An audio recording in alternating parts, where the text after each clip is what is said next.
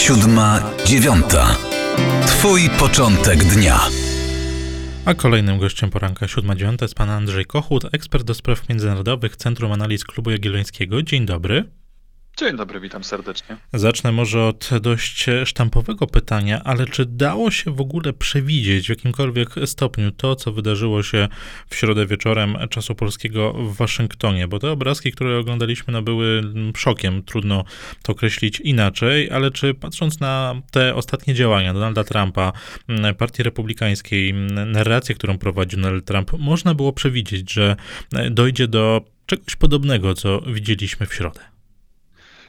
Pewnie trudno było się spodziewać, że taka próba wejścia do kapitolu zakończy się sukcesem i to, e, czy dało się coś takiego przewidzieć, to jest ogromne pytanie, które powinny się sobie w tej chwili zadawać amerykańskie służby. One z całą pewnością powinny przewidzieć, że tego rodzaju zagrożenia się pojawią. Może nie, niekoniecznie, że się zrealizują, ale że się pojawią.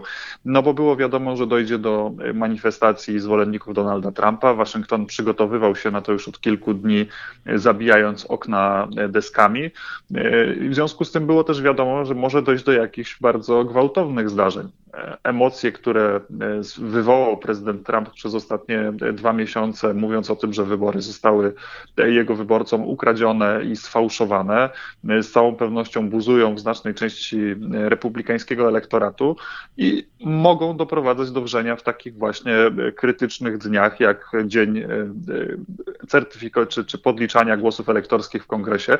E, to jest zresztą ciekawe, że właśnie takiego dnia musimy się w tej chwili obawiać e, jakiegoś rodzaju gwałtownych zajść, bo zazwyczaj te zliczanie głosów elektorskich w kongresie to jest po prostu nudna procedura, jeden z elementów amerykańskiego systemu wyborczego, która przypada dwa miesiące po tym, jak wyborcy e, wyrazili swoją wolę i kiedy już w zasadzie wszyscy są dawno pogodzeni z wynikiem. W tym roku, w tym sezonie wyborczym jest zupełnie inaczej i stąd też e, należało przyjąć inne środki ostrożności, które ktoś najwyraźniej zaniedbał. Zamieszki w Waszyngtonie za nami. Ja chciałem zapytać o tę o przyszłość bliższą i e, dalszą. Prezydent Donald Trump w czwartkowym nagraniu z Białego Domu zobowiązał się do płynnego przekazania władzy 20 stycznia. Jednocześnie potępił środowe takiego zwolenników. E, stwierdził, że Ameryka jest i musi być krajem porządku. E, generalnie prezydent Stanów Zjednoczonych wezwał do obniżenia temperatury sporu oraz do przywrócenia spokoju. Czy Pana zdaniem to kończy to napięcie, które jest obecnie bardzo mocno e, wyczuwalne, czy być może jest to Pana zdaniem na przykład jakiś taktyczny odwrót Donalda Trumpa? Jak Pan interpretuje to orędzie, to, to, to raczej to wystąpienie prezydenta Stanów Zjednoczonych, bo amerykańskie media są raczej raczej zgodne, że jest to mm, przyznanie się Donalda Trumpa do de facto takiej rezygnacji z walki o utrzymanie najwyższego urzędu i zakończenie nieuznawania wyników wyborów.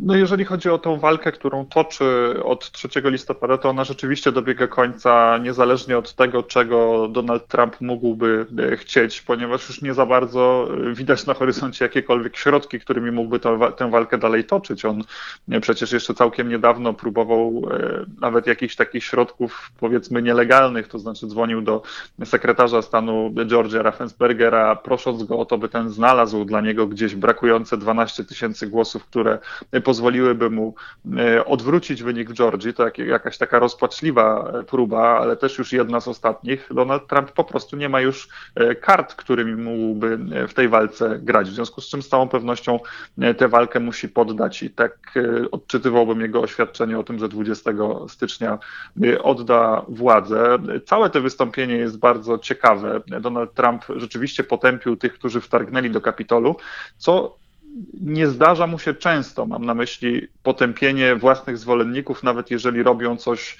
e, niezgodnego z prawem, drastycznie niezgodnego z prawem. Donald Trump bardzo ostrożnie stara się lawirować w takich sytuacjach, relatywizować, mówić o tym, co właściwie złego zrobiła druga strona e, i bardzo mocno stara się unikać krytycznych słów w kierunku własnych zwolenników. Tym razem wydaje się, że został przekonany przez swoich współpracowników, że sytuacja jest na tyle poważna, że nie ma innego wyboru i musi e, deeskalować te napięcia, które się pojawiły. Natomiast e, patrząc w szerszej perspektywie niż najbliższe dwa tygodnie, powiedziałbym, że to wcale nie jest koniec e, walki Donalda Trumpa i obecności Donalda Trumpa w polityce. On ma ogromny kapitał polityczny.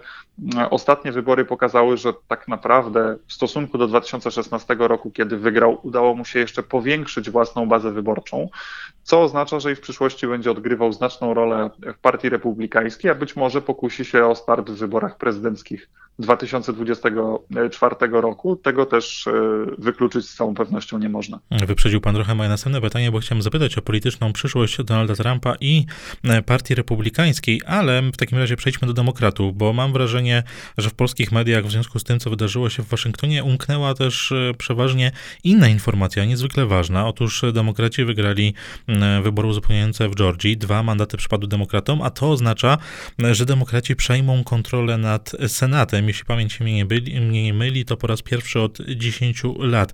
Co to oznacza i czego pan się spodziewa po działaniach Joe Bidena i Partii Demokratycznej w Senacie? Innymi słowy, jakie pana zdaniem są największe teraz wyzwania stojące przed Joe Bidenem? No bo tych wyzwań trochę nam się uzbierało.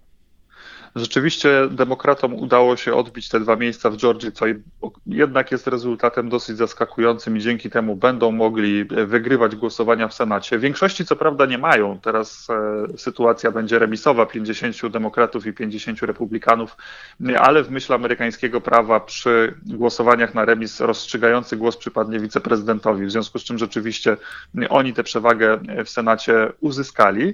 E, to jest bardzo dobra wiadomość dla Joe Bidena, bo tak naprawdę gdyby utrzymała się większość republikańska w Senacie, on e, sprawowałby prezydenturę w bardzo ograniczony sposób, godząc się, musząc godzić się na wiele e, kompromisów dotyczących tego, jakie kierunki polityki tak naprawdę może przyjąć. W tej chwili tego problemu nie ma. Natomiast to jest też wyzwanie dla Partii Demokratycznej. Raz, że kadencja Joe Bidena zaczyna się w bardzo trudnym czasie e, trwającej pandemii, związanych z nią problemów gospodarczych, problemów społecznych. E, I w tym momencie demokraci nie będą mieli żadnej wymówki, dlaczego coś poszło nie tak, a przecież potencjał tego, że, że, że jakiegoś rodzaju polityka nie wypali, jest spory, w związku z czym cała odpowiedzialność bez wątpienia spadnie na nich. To jest pierwszy problem przed administracją Bidena. Drugi jest taki, że w po wyborach ponownie zarysował się ten podział na bardziej centrowe skrzydło Partii Demokratycznej i te bardziej progresywne i lewicowe. E, przed wyborami panowała taka jedność e, w myśl zasady, że trzeba najpierw pokonać prezydenta Trumpa, natomiast teraz coraz wyraźniej te różnice wychodzą na wierzch. E, I to lewe skrzydło Partii Demokratycznej będzie intensywnie naciskać na Joe Bidena, by realizował również postulaty tej, tej grupy, a on nie mając listka figowego w postaci E, republikańskiego Senatu, który zablokowałby wszelkie tego rodzaju próby, e, nie będzie miał też wymówki wewnątrzpartyjnej, e, będzie zmuszony w tym kierunku, w tym kierunku podążać. To jest chyba największa zmiana wypływająca z, tej, z tego wyniku w Będziemy Georgii, który... zatem się temu wszystkiemu przyglądać, bo w Stanach Zjednoczonych dzieje się bardzo wiele, a o tym, co działo się i co wydarzy się w Stanach Zjednoczonych, mi i Państwu mówił Andrzej Kochut, ekspert do spraw międzynarodowych Centrum Analiz Klubu Jagiellońskiego. Bardzo dziękuję za rozmowę. Ja również dziękuję. Siódma, dziewiąta. Twój początek dnia.